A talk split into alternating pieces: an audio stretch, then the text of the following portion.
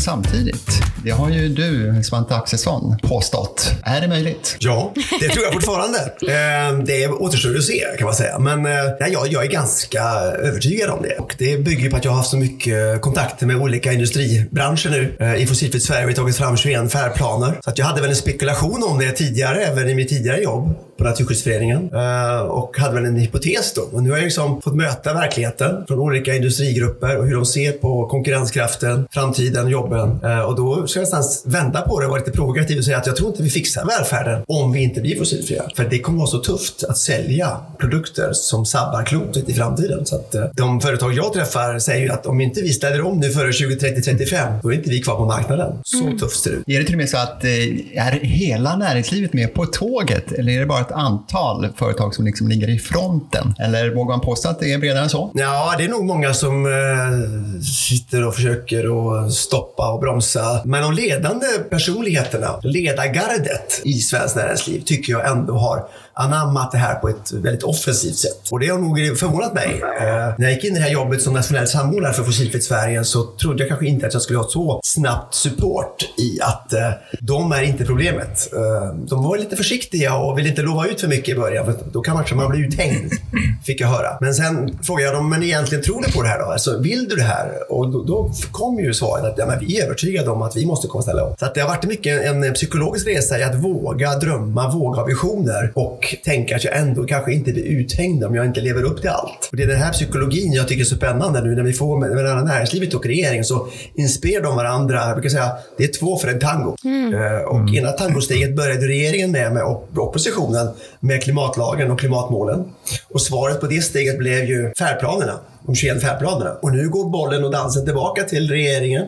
De måste leverera politik så att man kan leverera den dröm som näringslivet står för. Eh, men visst finns det många, tror jag, som inte äh, tänker så här och vågar tro så här. Men, men äh, ledarskapet gör ju att folk följer efter. Kommer Sverige klara det då? Alltså, kommer vi bli världens första fossilfria välfärdsland? Ja, alltså jag tror det. Men jag tror att jag är totalt självsuggererad när jag sitter här i jobbet. Men försöker pröva mig själv och tänka, men allvarligt talat Svante, tittar mig själv i spegeln. Ja. Tror du på det här? Ja, Sverige, alltså, Sverige har unikt bra förutsättningar. Jag tror att Sverige blir fossil, klimatneutrala mm. före 2045. Men världen är jag mycket, mycket mer mm. pessimistisk inför. Så jag skiljer mellan världens möjligheter och Sveriges möjligheter. Men Sveriges möjligheter är så bra och jag tror nästan att, nej, jag är helt övertygad. Vad är det för möjligheter vi har som andra kanske saknar? Ja, det, vi har ju en samarbetskultur. Uh, vi är ett litet land. Vi känner varandra. Vi är ganska prestigelösa. Vi träffas över alla gränser facket, miljörörelse, politiker, näringsliv. Det är en grundkultur som vi har som gör det lätt för oss. Sen har vi en ganska stark värderingsgemenskap. Eh, vi har ju fått en blocköverskridande uppgörelse att vi ska vara klimatneutrala före 2045.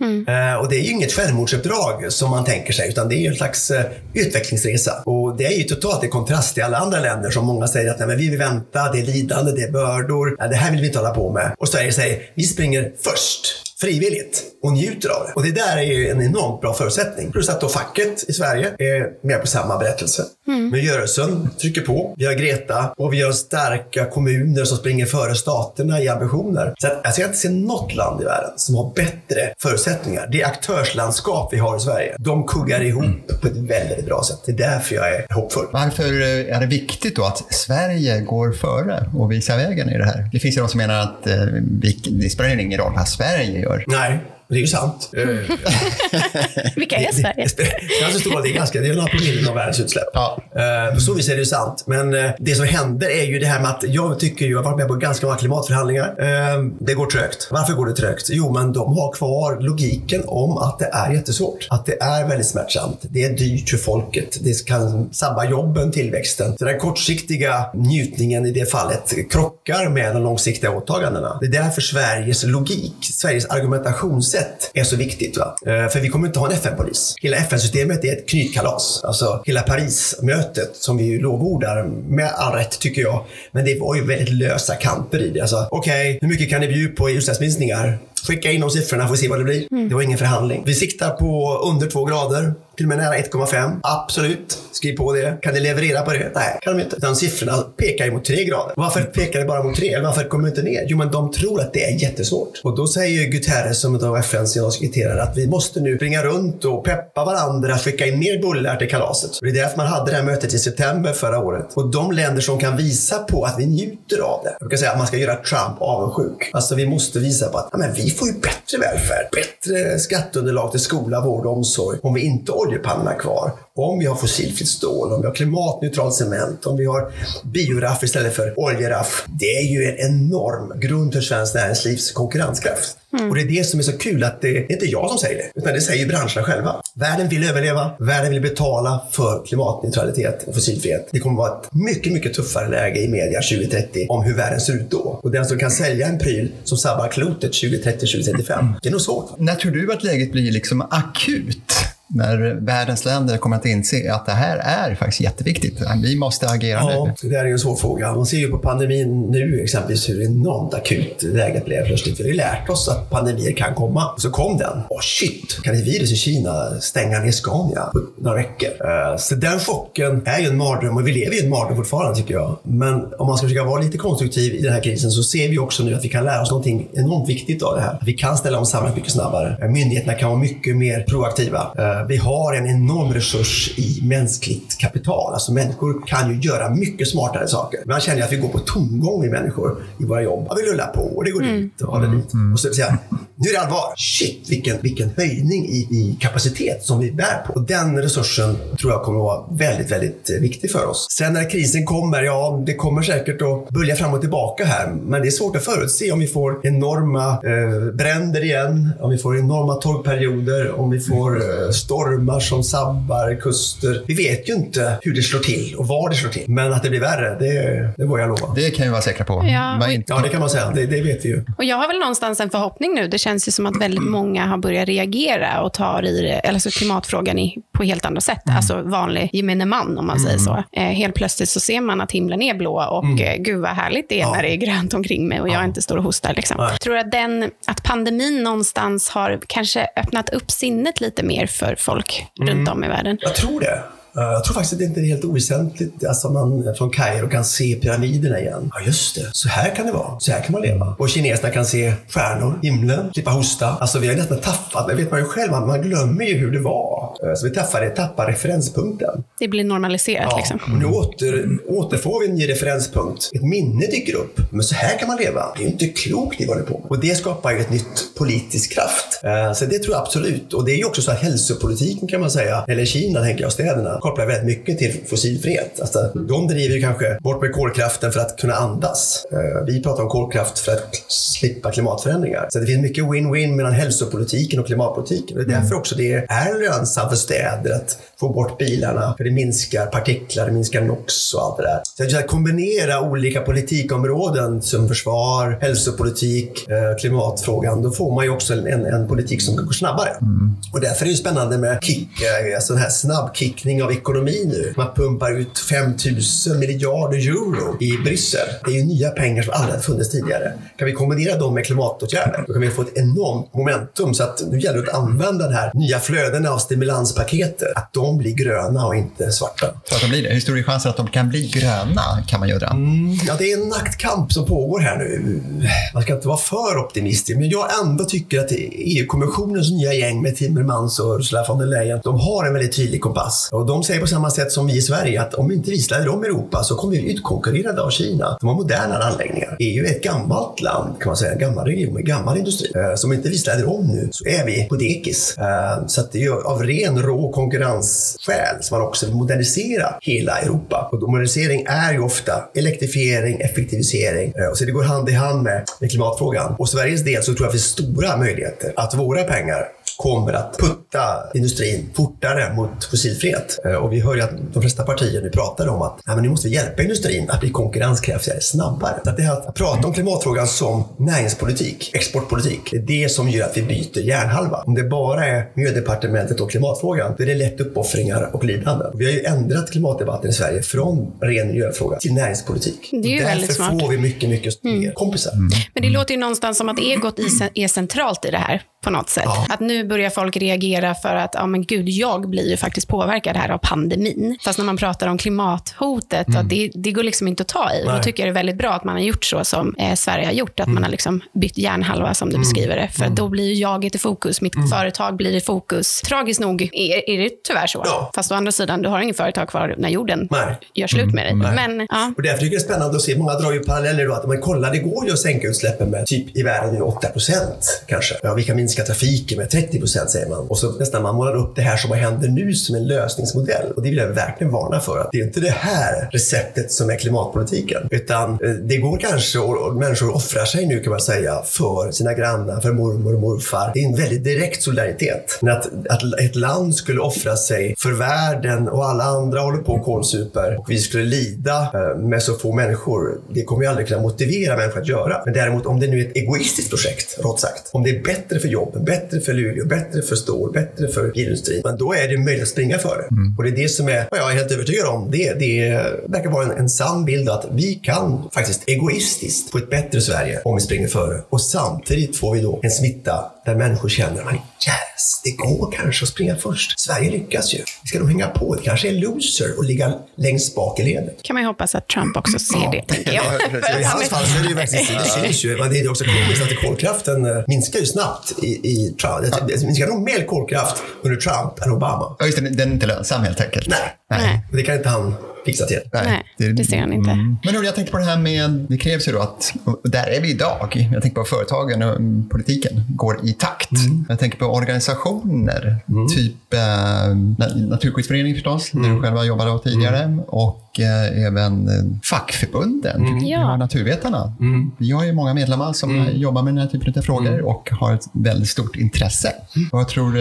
Den betydelsen för hållbarhetsmålen. Ja, de är enormt viktiga. Alltså, hela vårt folkrörelse-Sverige i någon mening, inklusive facken, är ju, där sker ju utbildningar, där sker möten, där sker samtal. Det är grunden för opinionsbildningen. Så att om inte facket och miljörörelser och andra ideella rörelser m- berättar den här möjlighetsberättelsen så kommer ju de att vara nej-sägare till politiken som erbjuds. Politikerna är ju ganska känsliga för opinionsvindar. Eh, så att om, om man inte känner av att människor tror på elbilen som en möjlighet eller på biogasen eller på att det kan skapa ett bioraff kanske i Lysekil eller om inte människor tror på den här berättelsen, ja, då säger man ju nej till den politiken. Och politiken är ju helt beroende att folk förstår att det man gör är bra för landet och för människorna i Gagnef eller i Bengtsfors. Eller i. Så att just nu upplever jag att människorna är mer rädda för samhällsförändring än klimatförändring. Eh, och klimatförändring samhällsförändringen är nog allvarligare än folk tror. Samhällsförändringen är lättare än vad folk tror. Men om inte vi berättar hur det går till så kommer de av rädsla säga nej. Och populisterna lever på rädsla. Så ju bättre folkbildning, ju mer berättelse om hur det ska gå till, ju mer support kommer vi att få från människor. Vi vet ju bara på en arbetsplats när man säger att vi kanske ska inte sitta där vi sitter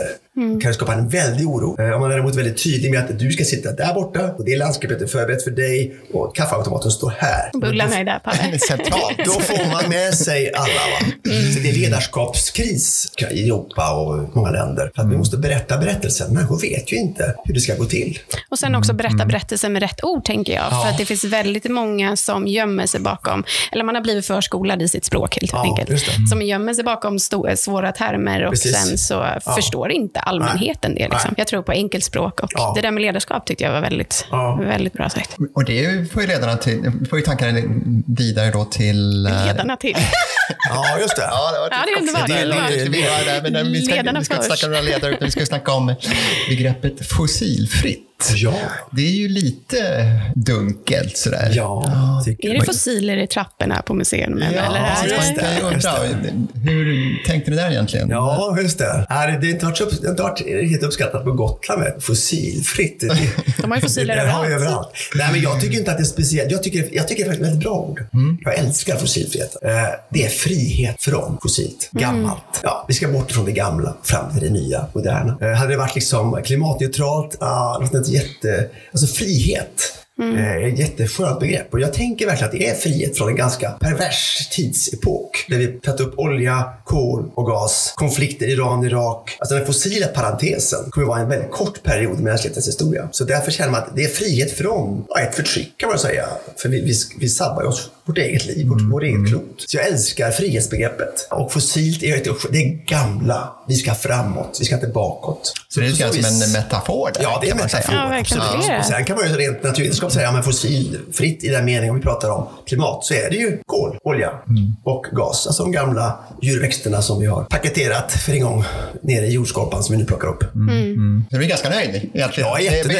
Jag är jättenöjd Ja, jag förstod det ännu Ja, bättre ja, nu. Jag var ja, ja, helt- ja, Det, det är så lätt. Jo, jo, ja, precis. När du förklarar det så här så är det liksom självklart.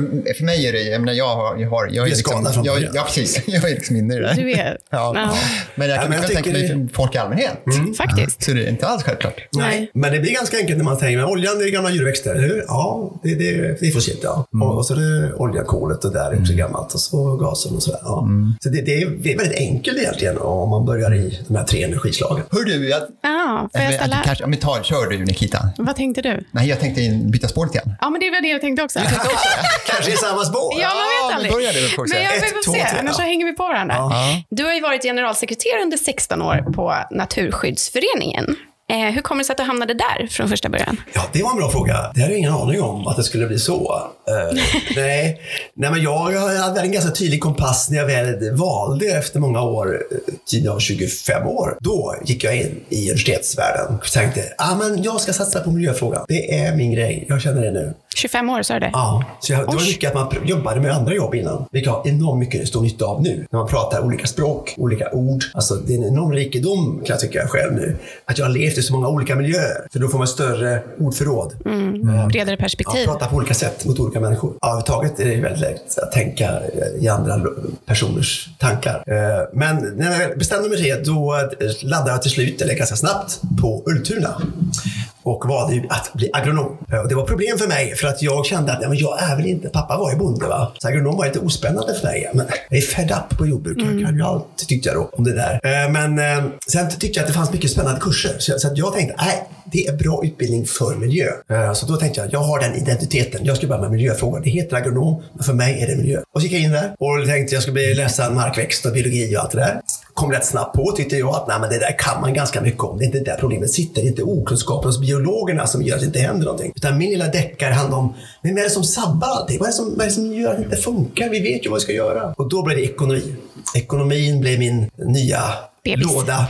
Så jag kunde kolla, hur tänker de då? De är inte dumma i huvudet, men det leder ju snett. Så att ekonomi, och sen blev ju jag miljöekonom på Ultuna och var ju högskoleadjunkt där ett antal år och byggde upp rätt mycket av miljöekonomiundervisningen där. Och sen ringde de från Naturskyddsföreningen och sa, men du kan inte du lämna teorin och komma ut i praktiken lite? Oj, vilken offer. Eh, Okej, du kan bli miljöekonom på Naturskyddsföreningen. Jaha. Ja, då kunde jag inte låta bli riktigt. För då kan jag komma närmare tillämpningen och verkligheten. Även om det också inte... Ja, var är verkligheten kan man undra ibland. Eh, men där var jag ett antal år och sen fick jag ett antal olika uppgifter där och blev chef till slut som generalsekreterare. Så att det är ju en enorm eh, spirit att få jobba med så många människor och ha ett sånt förtroendekapital och att ha tillgång till ja, vanligt folk tycker och tänker i olika delar av Sverige och samtidigt kunna springa in på departement och få uppvaktningar och träffa ministrar. Så att, eh, det var en rolig tid. Och jag kan verkligen tänka mig att det var en spännande tid, som- du själv säger här. Det har ju hänt mycket. Ja. Och det var ju framförallt, det har ju vuxit otroligt egentligen. Ja. Och det intresset i samhället överhuvudtaget för den här Ja. typen av frågor, och, som ju har avspeglat sig på Naturskyddsföreningen. Ja, just så är det. Och din roll, jag tänkte på, var du chef där? Jag var generalsekreterare, ja. Vilket innebar att du hade ansvar för kansliet liksom? Ja, precis. Ja. Och talesperson i olika frågor. Nu kanske man inte ska fråga dig, det, hur var du som chef? Vi kanske man ska fråga Ja, dina... det kan Apropå ledarskap, du var ju väldigt inne på det. Ja, Viktigt med ledarskap. nog, eh, det är säkert finns många olika berättelser om mig som chef förstås, men eh, jag tror att jag är, jag är en ganska visionsdriven person. Det syns i ögonen. Ja, och eh, jag tror mycket på kommunikation, jag tror på befrielse, retorik, inte säck och aska, inte moralism. Utan, och det fick jag ju gehör för på Naturskyddsföreningen. Det är många som var medvetna om hur man ska kommunicera. Så att, sen hade jag en biträdande chef som var administrativ chef. För man kan inte vara allt. Och det har jag lärt mig tidigare. Så att, eh, I alla fall i min berättelse så gör vi en ganska bra uppdelning. Att jag var mer eh, idédriven och eh, var med i produktutvecklingen kan man säga, av vad vi skulle göra. Och sen hade vi då mer en person som skötte vardagen på kansliet. Men som sagt, det finns många betyg på det säkert. Det, det är inte någonting du saknar idag, den tiden? Ja, hur kommer det sig att du lämnar alltså, liksom? sen så, jag kände att 16 år är ganska lång tid. Jag hade inte tänkt att köra så länge. Eh, så att, och det, det är ju hopplöst när man har så roliga jobb. Att man måste nästan bestämma sig. Nej, jag ska inte pensionera mig på Naturskyddsföreningen. Jag måste göra någonting annat. Eh, så då tänkte jag, nej, det är bara att sätta klackarna i golvet. Inte taket, utan golvet. Golvet, ja. Ah, ja. Ah, ja. Precis, i det läget. Bestämma mig. Tänka utanför Eh, och boxen. säga att trots att det är kul så ska jag gå nu, men när det är kul. Och sen blev det ju fantastiskt att jag så snabbt fick det här erbjudandet att bli nationell samordnare för Fossilfritt Sverige och det var ju, ja, vilken gåva. Komma in och få gå loss i den här positionen som ju ännu mer kan man säga nu har en mäklarroll mellan näringsliv och politik. Och jag har ju jättestor nytta av min, min historia och de kontaktytor jag fick uh, utveckla under min tid som generalsekreterare. Och du sitter ju här då på garnisonen på Gärdet, Östermalm. Mm. Uh, och det här är alltså en del av regeringskansliet. Ja, det är det. Hur, um, Dessa vackra lokaler. Mm. Mm. Hur märker du det? Ja, det är portkoder och det är, det är, man kan inte eh, använda datorn på alla eh, program som man ska umgås på när det, när det skypas och hit och dit. Så att, eh, det finns ju mycket regler och krångel också. Men jag är ju inte en del av regeringen. Jag brukar säga att jag är inte regeringens samordnare. Jag är nationell samordnare och utsedd av regeringen. Jag är väldigt noga med att jobba med alla partier och och näringslivet. För att min roll bygger på förtroendekapital. Och är jag då någon slags förlängd arm av regeringen ja, men då, då blir, kan inte jag spela min roll som mäklare och processledande. Så att jag tycker att Regeringskansliet är ju överraskande kreativt faktiskt. Jag, jag träffar ju rätt mycket tjänstemän och statssekreterare och alltså, folk skulle veta vilket, vilket go det är. Oj! Ja, där är det klackarna i taket Ja, det är, jag, jag kommer in i olika departement och det är liksom det är fart. Alltså, det är liksom energi och de vill göra skillnad. Och det ser vi också nu i, i pandemidiskussionerna. Alltså det, jag är imponerad över politiker generellt sett, alla partier. Eh, det är i allt väsentligt väldigt bra folk. Trevliga, receptiva, jobbar hårt eh, och även regeringskansliet och det man ser där. Så att eh, den där enkla bilden av byråkrati och regering och politiker, mm. bara håller på och pratar. Kavajer och slipsar. Nej, jag tycker det alltså framförallt i klimatfrågan, det är ett sånt, alltså det är så kul va. Alltså när man träffar folk på departement eller i näringslivet eller vad det är så, så är det lite high five-känsla. Va? Nu kör lite lagsport. Det är sån geist. Ja, det, det, är faktiskt sant. Det är sån tryck. Gud vad roligt att höra. Ja, ja verkligen. Det var det ju nästan lite överraskande. alla fördomar. Ja. Ja. Det, de, de, de vill göra saker och det, det, folk, vill, folk vill göra, göra skillnad. Folk och du känner själv att du får in, de lyssnar på dig? Det låter som att de verkligen ja, alltså, jag, jag lyssnar säkert på mig och många andra, men uh, jag följer mycket fram också nu och jobbar med näringslivet. Alltså, hur kan vi kommunicera? Den här frågan kanske inte ska lyftas, den här är kanske intressantare. Och regeringen håller ju på med den här frågan. Så om du säger det här nu så kuggar ju det i. Då hjälper du ju regeringen i den här frågan. Så det är ju mycket det här att båda parter vill dansa, men det gäller att kunna dansa ihop. Och vilken dans dansar du då? Mm. Så att det är, jag visste inte alls hur jag skulle jobba, men de här färdplanerna har varit jätteviktiga i att få näringslivet att bli ännu tydligare i sin proaktivitet och gå ifrån nej-säga-soffan som ofta dyker upp spontant. Nej, det går inte. Det måste vara EU, det måste vara världen. Vi kan, inte, Sverige kan inte göra någonting. Eh, så var det lite grann ibland tycker jag. Till att säga, nej men jag är inte problemet. Alltså jag vill. Vi tror på det här. Men då måste vi få förutsättningar. Det är en helt annan typ av, av resonemang där man ju lägger bollen tillbaka till politiken. Ja, men om ni bara riggar båten så tänker jag vara med och köra. Och det är det jag tycker är så spännande nu att vi, vi som land kan åka. Jag har ju varit ute och pratat i andra länder och berättat om Sverige. De, de håller på att trilla av stolen. Så de tror inte det är sant. Jag tror att eh, politiken kan göra ytterligare. Göra ännu mer. Ja. När det gäller styrmedel till exempel. Absolut. Ja, men det här är ju inte, jag vill absolut inte måla upp någon bild att allt är klart på något sätt. Utan det jag egentligen berömmer nu, det är den här viljan. Mm. Uh, men det är jättemycket kvar och vi har ju skickat över 27 krav till regeringen som vi har vaskat fram från de här 21 färdplanerna. Och några har, kan, vi, kan vi ticka av, men det finns ju många viktiga uh, frågor kvar att lösa. Och reduktionsplikten som det heter, det vackra ordet, att en bränslebyteslag. Man tvingar in biodrivmedel i bensin och diesel är en av de viktigaste frågorna som ska lösas nu. För det avgör om vi kommer att nå våra klimatmål mm. i trafiken. Och det gör ju jordbruket och skogen och raffen och allting. Och det har inte kommit fram än. Så att där är jag på då och puttar och säger men det här måste ju fram. Men återigen, det är kul att, att hjälpa till när båda parter egentligen vill. Ja, men du beskrev det så himla fint. Det krävs ju två för att dansa tango. Liksom. Ja. Det, det tycker jag förklarar väldigt mycket. Och det, så här är det inte i Frankrike kan jag säga. Nej. Och inte i Holland heller. Vi har ett unikt bra gemensam målbild. Och vi har ju, den här tycker jag också är spännande, vi har inga visioner för tiden. Vi har ju, alltså vi ska bli världens första fossilfria välfärdsland. När man går ut i skolorna och säger det, så barnen de, de lyser eh, och tänker, vad häftigt häftigt. Mm, jag inte, bor i det Sverige. Inte, det är inte riktigt känt va? Nej. Det är grymt kaxigt att säga så. Mm, verkligen. Har du någon känsla för liksom vad barnen tänker när du säger fossilfritt? Vad, vad tror du att de ser framför sig? Jag tror att de ser... Uh... De ser en bättre värld framför sig. Och jag tror de fattar det där med att nej, men det, det är då typ, vad är det då? Tänker jag. Ja, då säger de elbilar säger först. Uh, solceller. Alltså elbil och solceller, det är en slags nästan metaforer. Nästan korv och mos ungefär. Liksom. Mm. De hänger ihop. Och det kommer ju också vara så att de som har villor kommer ju både ha solceller och elbil sannolikt. Men det är det förnybara energi energin, det är solen, det är vinden. Och det är liksom nej till kolgruvan, nej till oljefälten i Nordsjön, det är nej till... till, till jag tror de fattar att det, det är energin som det handlar om. Ja, och jag tycker också att det, man märker det på yngre. Alltså så upplyst som min eh, systerdotter är, 12 år gammal, Ja. kring klimatet och miljön var ju inte jag. Alltså det pratade man ju inte om alls. Man pratade om hur ser det ut, eh, havet, eh, hur djupt är det, vilka Ja. sjöar, insjöar, vind, vatten, alltså så. I- Inte alls i den här utsträckningen. Nej. Så jag, jag känner ett hopp eh, när man hör yngre berätta Ja. eller prata kring klimatet. Jag känner också lite grann eh, frustration när jag går ut i skolorna. Jag gör det ibland, så här stickprov, för att liksom bara, jag tycker det är viktigt med skolan. Och jag är livrädd för pessimism, jag är livrädd för uh, hopplöshet. Eh, och det är lätt att det smyger sig på, för att när man ser på mediebilden och ibland tycker jag att de lär ut, vad jag kan se, de är väldigt duktiga på problembilden, men möjlighetsbilden har de inte lärt sig riktigt. Och jag tänker att det är faktiskt okunskapen om möjligheterna som är ett större problem idag, än okunskapen om problemen.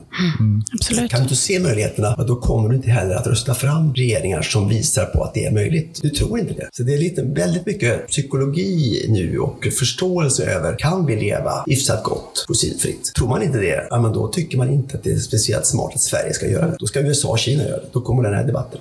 Men Kina har byggt kolkraftverk idag. Vad ska Sverige hålla på och offra Mm. Vilken roll tror du eh, jordbruket och skogsbruket där har vi väldiga fördelar här i Sverige, att vi har Ja. biomassan. Ja. Vilken roll eh, tror du att de kommer att spela? Och hur kommer jordbruket att se ut Mm. i framtiden? Ja, men det är ju nyckelspelare båda två. Eh, Jag kom precis från en eh, övning i morse där vi pratade om biostrategin. Vi håller på att ta fram strategier nu. Efter här 21 färdplanerna tar vi fram ett antal strategier för att få pusslet att gå ihop. För det går inte ihop när man summerar 21 berättelser. Och framförallt lyser det rött runt mängden biobränsle. räcker inte utifrån hur de här aktörerna tänker sig vilja ha istället för olja. Så det är en, en jätteutmaning. Eh, och då är ju skogen en enorm resurs. Eh, och det är ju unikt för oss. Och till Holland och snackar så, så skrattar de åt det för att de, de har inte något bio överhuvudtaget nästan. Så Sverige har en speciallåda med så mycket skog och tänker väl jobba utifrån den komparativa fördelen. Så att eh, skogen kommer ju att behöva leverera både skogsvatten, eller till byggmaterial, restprodukter till raffen, till flygbränsle, kemiindustri. Alltså det, det är ett enormt... Det står på kö och knackar på skogen. Jag vill bara att rangordna kön i rätt ordning. Att amen, det här är viktigast. Att göra det här av skogen, det är viktigast. Och det är näst viktigast. Och det är tredje viktigast, säger marknaden. För vi kan inte göra allt. Vi måste prioritera. Och jordbruket är en annan enorm resurs i att också leverera bioprodukter kan man säga. Inte minst för drivmedel. Och där har vi också en total clash med EU. För att normala bilden är att bioenergigrödor tränger undan livsmedelsproduktion. Det är den vanliga bilden i Bryssel. Och inte minst i miljörörelsen i Bryssel. Inte miljörörelsen i Sverige, men i Bryssel. Och vi lever precis tvärtom. Alltså, vi har ju marköverskott. Åkermarken växer igen. Så vi tappar ju en åkermarksresurs som vi kan producera mat på. Om vi inte odlar biobränsle på den. Så att det, är, det är totalt upp och ner bland om man åker till Bryssel och kontra sig på Sverige. Men sen tror jag måste jordbruket själv minska sina utsläpp. Eh, och det är ganska lätt att gå över till biodiesel exempelvis på de flesta traktorer. Det är ju en quick fix. Och LRF har ju sagt att man ska vara klimatneutral i den delen 2030. Sen det tycker jag är spännande att se hur kan vi, kan vi skapa ett jordbruk som då inte läcker så mycket metan och andra växthusgaser. Kan vi gå över till mer plöjningsfritt eh, jordbruk? Där vi binder kol och vi såg ju då i DN artiklar som eh, lyfter upp just att man ska binda in kol. Och jag tror det kommer att bli en, en negativ marknad för att binda kol. Att man får betalt för varje kilo som man kapslar in i skogen eller jordbruket. Så vi ska ju nolla världens utsläpp till 2050. Sen ska vi binda. Så det skulle, det skulle kunna bli en marknad för det. Det är jag absolut övertygad om. Eh, Det kommer att vara en marknad för att minska utsläppen, men det kommer också vara en marknad för att binda kol. Det kommer inte att gå annars. Och det är ju, återigen, där har Sverige unika möjligheter med, med det jordbruket och den skogen vi har. Så det skulle kunna bli lönsamt till exempel för den enskilde bonden att istället för att odla spannmål, att ha marken gräsbevuxen och fånga in. Ja, eh, en kombo. Alltså jag kan tänka mig att man kanske skulle säga att eh, man ökar mullhalten i marken över tid och får betalt för det. Alltså vi pratar ofta om ekosystemtjänster som inte är prissatta på en marknad. Alltifrån mångfalden till kolbindningen. Och nu, bönderna ska ju egentligen få betalt för de tjänsterna som mänskligheten efterlängtar. Och inte bara sånt som går att köpa på Konsum och ICA. Så därför är ju hela jordbrukspolitiken en, ska ju stöpas om och ge betalt till andra tjänster än just kanske proteiner och fetter och sånt som vi köper i livsmedel. Så jag tror att absolut det kommer att komma statliga stöd och också kanske regleringar som gör att man tvingar fram kolbindning. Då kanske andra bolag vill köpa den där kolbindningen från bönderna. Och sen är det så också att eh, hållbarhet handlar inte bara om fossilfrihet, frihet, även om man kan tro det här nu. Om de här målen nu står eh, emot varandra. Jag tänker på biologisk mångfald, arternas rikedom, Ja. Och eh, biomassan. Vad ska man maximera? Eller kan man hitta ett samspel? Ja, det där är ju knäckfrågan. Alltså, man måste ju då se alla målen samtidigt. Ekonomi och fossilfrihet menar jag på hänger ihop. Så På så vis har vi fått en bra kombo i Sverige. Men biologisk mångfald och eh, uttaget och produktionen, där har vi ju en konflikt. Eh, Frågan är när, när konflikten blir, alltså hur, hur, hur är liksom sambanden egentligen? Man kan ju minska uttaget och ändå minska också mångfalden. Alltså om man har ett dåligt skogsbruk så kan man skapa mer skada även om man tar ut mindre. På samma sätt kan man tänka sig att man kan ta ut mer och öka mångfalden. Det är inte så här att det är som att det är precis optimalt. Så att flyttar jag mig en meter så måste du backa en meter. Utan det finns ju ett område där det finns win-win. Och där menar jag på, där måste vi börja. För jag är rädd för att vi ska ha ett slutgiltigt svar. För det kommer inte vi kunna ha när vi sitter och skissar här. Eh, för det tror jag är problem överhuvudtaget när folk tänker, hur ska vi göra 2025 och 2040? Ja, men du har för lite kunskap att kunna ta det beslutet nu. Kan vi gå tillsammans till 2025 och ta ett, ett kaffesnack där i stuga ett? Och så kan vi fortsätta till 2030. Så tar vi ett kaffesnack där och så får vi mycket bättre kunskap för nästa steg. För när vi ska ha hela svaret till 2040, det är då vi kommer i den här låsta positionerna. Så då tänker jag kortsiktigt, ja men man kan ju minska älgstammen. Eh, Då eh, räddar vi tallplantorna. Då får vi mer produktion i skogen. Det gy- gynnar eh, mångfalden. Det är inga problem där. Vi har mer grot, alltså grenar och toppar och rester ligger kvar i skogen mer idag än för tio år sedan. Så vi kan plocka hem lite mer av det. Det där gillar förstås inte jägarna. Nej, men eh, då får man får säga att det, det här optimerar då. Det är det vackra uttrycket som ekonom säger man då när man säger sig trängd. Då säger man så här, då försöker vi optimera systemet. eh, och då, då säger man, man kan inte få allt. Men vad är mest värdefullt då? Eh, och då tror jag att fossilfriheten och ödesfrågan för mänskligheten är viktigare i jakten. Och då måste man välja det. Eh, och finnarna har ju också jägare, men de har mycket, mycket lägre älgstam. Mindre betestryck. Och här är skogsnäring, det är ju, ju stora exportindustri egentligen, som inte får tillväxt i skogen. Sen tror jag det finns också att man kan arbeta intensivare med skogen, skogen, alltså få ut mer produktion om man lägger mer arbetstimmar i skogen. Vilket också skulle kunna vara, inte i konflikt med mångfalden. Så jag tycker jag har några knep till 2025. Det låter så. Så får vi se hur smärtsamt det är. I stugan nummer ett med kafferepet. Ja, så jag tror mycket på stiga, stuga för stuga. Det är det, som, det är så man förändrar världen. Det blir väldigt, väldigt låsningar när folk har färdiga svar långt in i framtiden. När vi vet att värderingen förändras, tekniken förändras. Kafferepet det kan ju nästan bli lite grann en metafor här för en dörröppnare och goda samtal. Ja, absolut. Vi märkte ju hur det gick igång här på... När vi bjöd på kaffe och Ja, bullar. jag är hög alltså. Men man ska inte underskatta kaffet alltså. Nej, gud nej. Och samtalet. Vi är ju, vi är ju fikalandet, Ja, ja, Sverige. Ja. Ja. Nej, men möt, alltså det låter kanske lite simpelt, men man, man kan inte underskatta samtalet och lyssnandet och skapa den gemensamma berättelsen. Eh, För vi lever med olika oro, vi har olika kunskap. Men om man får, känner att man blir lyssnad på och får delaktighet och så kan vi kalibrera den gemensamma vägen, men då får du delaktighet. Och jag tycker det är ganska intressant med hur Folkhälsomyndigheten också som ledare kommunicerar och skapar tillit och bygger på förtroende. Eh, många kritiserar det här. Jag tycker det är en jättespännande ledarskapsstil att ge människor ansvar. Då växer människor. Nu får du inte ställa en till fråga. Vi bryter av med snabba och antingen. Då kör vi. Frukost. Flingor, Fossil. olja, Sommar. västkusten, Din tur, Palle. Etanolbil, elbil. elbil, Artrikedom, biomassa. artrikedom. Dans, körsång. Ja, det, det får bli körsång, men jag älskar dans också. Men jag, ja, körsång. Det är därför du ska sjunga gospel istället. Då dansar man ju ja, när man jo, jag sjunger. sjunger afrikanskt. Det är också lite Ah, sådär. ja. Det är lite groove. Det är en bra kombo egentligen. Får du använda dansen i metaforerna kanske istället? Ja, just det. Precis. Jo, Ja, det jag gör det försöker- ju. Mm. Mm. Nej, men du beskriver det på väldigt bra sätt. Jag tänker så här, vi har pratat väldigt mycket om ditt jobb eller dina, och ditt förra jobb och väldigt mycket fossiler och Mm. frihet och eh, tango och allt sånt. Men vem är Svante då? alltså, vem är det som sitter där bakom, Ja, det är bakom de här fråga. eh, väggarna?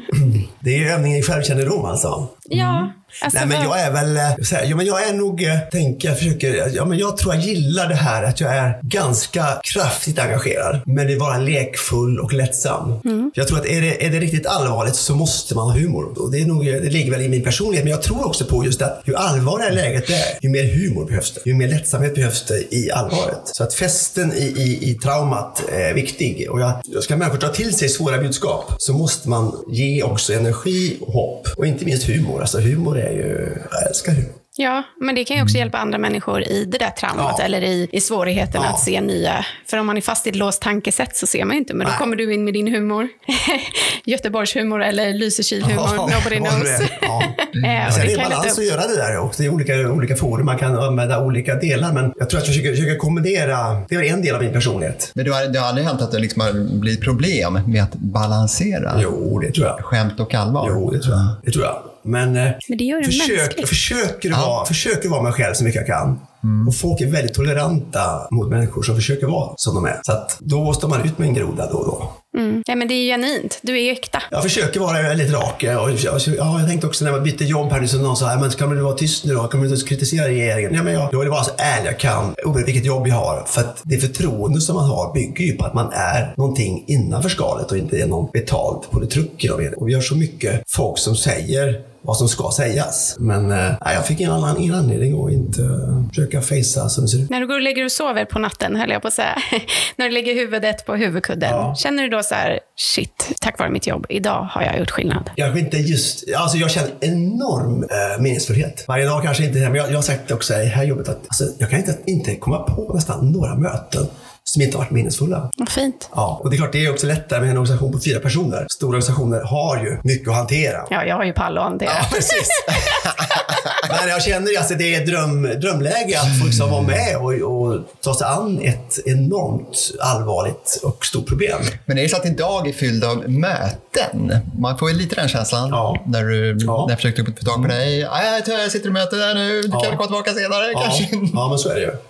Mycket möten. Eh, Man läser ibland också, men det är mycket mänskliga möten. Och det är det som också tror jag gör att jag får ett sånt gott liv i den meningen. Att de människor jag möter, de har ju så härlig energi. Så att många kan säga, hur kan du vara så glad? Jag, menar, jag träffar ju så glada människor. De vill någonting, de har lösningar, de vill hitta idéer. Det finns ett go. Och det är det goet jag skulle vilja berätta mer till vanliga människor som inte jobbar i den här lådan. Få sprida det för folk eh, skulle nog bli ganska glada hemma i sofforna om de visste hur snacket går på olika möten. Vi får ju ta del av det till viss del här genom att höra dig prata. Ja. Sen tänker jag, det är ju omöjligt att, det märkte vi båda när vi kom in med en gång, det är omöjligt att inte bli inspirerad av dig eller i ditt go. Man går ju direkt in i din energi. Det är ju jättehärligt och det smittar ju av sig. Men det är ju växelverkan. Det är återigen, man dansar som alla människor genom meningen. Och det där är viktigt alltså. Särskilt i vår tid när det är så lätt att gräva ner sig. Det är så lätt att måla mörka bilder. Det är lättare nu än för tio år sedan. Det är ännu viktigare att då hålla ljuset tydligt. Och det var väl det som var ambitionen kanske med din bok som du gav ut för, jag tror det var sex år sedan. Mm. Ja, faktiskt. Här var en koll, ser du.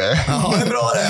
Och där hade du ti- tio optimistiska, Hoppfulla. hoppfulla. Jag använder inte optimism så mycket. Nej, okej, okej. Att, eh, Retoriken är viktig alltså. Ja, alltså optimist kan låta lite så här, ah, den personen ser inte allvaret, han bara hurtbullar och förtränger problembilden. Och tror att det löser sig nog. Det, det, det, är inte jag vill, det är inte jag står för, utan hoppfullhet. Det tycker jag är ett bättre ord egentligen. Det jag- fossilfritt. Ja, just det. Ja, förlåt mig. Det var ett inhopp i, i Vi optimismen. båda hoppar in i din bok. Berätta boken. Jo, nej, men det var ju, den var ju extremt hoppfull. Ja. Så kan man ju säga. Ja. Och det är väl någonting som du fortsätter leva efter.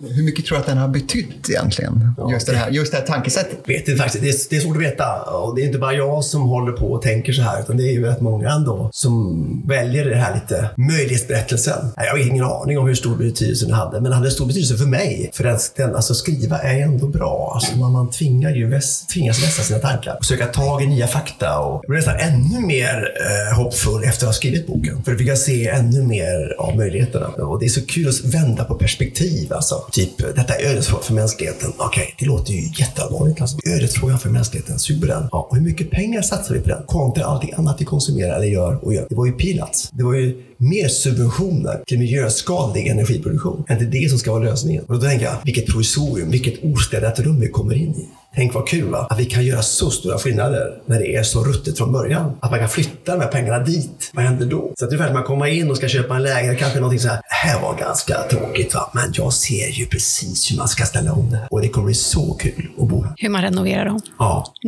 Du är uppvuxen på en bondgård och är agronom. Hur har det påverkat dig, tycker du, i din yrkesgärning? Ja, den frågan får jag ibland. Och, eh, jag försöker nu, man, man hittar ju på ibland så här tolkningar av sitt liv. Sådär. Eh, ja, men det är nog så här det är. Men jag tror, jag brukar säga själv, att jag, det fanns ju en, en jordbrukare får hela tiden leva med väldigt stor oro. Alltså man är beroende av vädret. Det är en stor övning i tillit. Att hela tiden våga tro på att det ska gå bra. Det kan se ganska mörkt ut. Och vi var ju arrendatorer. Det var ganska tufft ekonomiskt. Det var nästan konkursmässiga en period. Eh, för man kan inte leva av markvärden och sånt där. Utan man är helt beroende av produktionsavkastningen. Eh, så att jag tänker på mina föräldrar och pappa, inte minst där. Och så tänker jag att ja, men han hade hela tiden en, en framtidstro och satsade framåt. Även om det var ganska dåliga odds. Och just det där att slappna av i kombination med ansträngdhet. Alltså, nu har jag gjort mitt och nu får jag slappna av. Får vi se hur det går. Att våga släppa och sen kraftsamla och släppa. Så man inte går ner sig eh, när det är tungt. Så det är framförallt då i sinnelaget. Ja, det vill säga förhållningssättet. Ja. Det tror jag. Man lever med så mycket osäkerhet här. Och vi är så vana vid att ha kontroll på allting. Men bönderna är ju väldigt beroende av faktorer man inte alls kan styra. Sen tror jag också, alltså, jag brukar säga korna, alltså jag tycker de är enormt vackra. Gud ja. Ja. Oj. Så, så Ja, det är, jag, ja, det är po poesi, verkligen. Ja, så att jag, jag har minnen av att man liksom ligger och vilar mot ett, eh, en kohals. Åh. Så det finns ju jättehärliga minnen av djuren. Och alla män ja, men en annan, annan grej tycker jag är kul också med jordbruk. Det var att det var så mycket människor som man träffade. Alltså, ibland kom det en veterinär, fick man prata med honom på ett speciellt sätt. Så hade man en dräng, så kom det någon nästan alkoholpåverkad, någon arbetsinsats som skulle hjälpa till bygget där. Och så, det var väldigt olika typer av människor. Och sen kom lands, länsstyrelsefolk ut och så. Kanske där du lärde dig från början Ja. hur du skulle liksom dansa tango med olika Ja, personer. men jag tror att jag lärde mig ändå kanske att eh, bra, det är lite det här klassiska prata på projekt. Men alltså, det är väldigt intressant att möta olika människor och förstå hur de tänker och vilka ord som betyder olika saker för olika människor. Jag tror att jag fascineras av det. Vilket avslut. Jag tycker att vi rundar av. det här blir nej, bättre, bättre avslut än så här kan man inte få. Nej, verkligen Men, inte. Herregud. Du har ju under ganska lång tid talat dig varm för elbilen Mm. som lösningen på mycket. När tror du att vi får se fossilbilen borta? Förbränningsmotor är, är nog på väg ut. Nu är jag ju också vurmande för att man Använda etanol och biogas och HVO. Vi behöver allting. Men om man ser långsiktigt, då måste vi nog ha en energieffektivare bil. Och då är elbilen den absolut smartaste och har bäst potential att bli riktigt bra. Jag tror inte att det säljs så många förbränningsmotorer 2030. Det kommer vara ganska udda. Ibland säger jag så här, ah, vi ska inte förbjuda förbränningsmotorn 2030. Men det är ironiskt säger jag så här, ah, det är lika radikalt som att förbjuda faxen. Den dog ut själv höll jag på att säga. Så att, eh, jag tror att eh, personbilsflottan den kommer ändras snabbare än har trott. Men vi behöver mycket biogas, mycket etanol och mycket biodiesel till både flyg, sjöfart och allt möjligt annat. Så att, eh, Möjligen kan det vara så att du kanske får frågor från bilköpare om vilken bil de ska köpa idag. Mm. Ja. Vad säger du till dem? Jag ska ju köpa bil. Ja, du så jag är en av dem faktiskt. kan man väl säga, det, där kan man tänka på olika sätt. Alltså jag tycker den absolut bästa bilen egentligen just nu är biogas. Just nu. Men elbilen har bäst utvecklingspotential. Där har vi ett antal saker som måste förbättras, inte minst batteriproduktionen. Så därför tänker jag att om jag sa elbil som jag var, ja men då sätter jag med energi att vi måste utveckla den grenen, för den grenen är global och jätteviktig. Så om du skulle fråga mig 2030 eller 2025, 25. så elbilen kommer ju att springa förbi. För den är så mycket energieffektivare. Vi glömmer bort att, att en vanlig motor har ju spillvärme på 70 procent. 70 procent av det vi pumpar in går till spillo. Och det är en väldigt, väldigt dålig verkningsgrad. Det är därför som elbilen är så smart. Nu då Palle, får jag nu eller? Ja, nej, men jag tycker det känns som en ganska bra läge att eh, sakta ner, sakta ner på citatet, bromsa men- in. Ja. Jo, nej, men jag tycker vi får tacka Svante Axelsson så jättemycket för att du ja, var med i den här podden. Mm, tack för att jag Det fick har vara varit med. eh, många intressanta samtal och det som Verkligen. jag kommer att bära med mig, Mm. inte bara att du har ett bonnigt ursprung. Ett bonnigt Nej, det går bra till det. Det. Bördig från Lysekil. Du har också gett en vision för Mm. framtiden. Hur vi kan eh, både klara klimatet och övriga 16 eh, hållbarhetsmål. Mm. Så det tycker jag känns hoppfullt. Ja, och absolut. Och få lära känna dig som person. Du har ett sätt att prata som eh, får alla att förstå, vilket gör mig väldigt lycklig. Kul. Ja, och väldigt inspirerande. Och det är härligt att sitta och lyssna på dig, för du, du lyser verkligen ögonen när du pratar om, om det du brinner för. För det är väl lite det du gör, antar jag. Eller lite mycket. Så tack snälla för att vi fick träffa dig.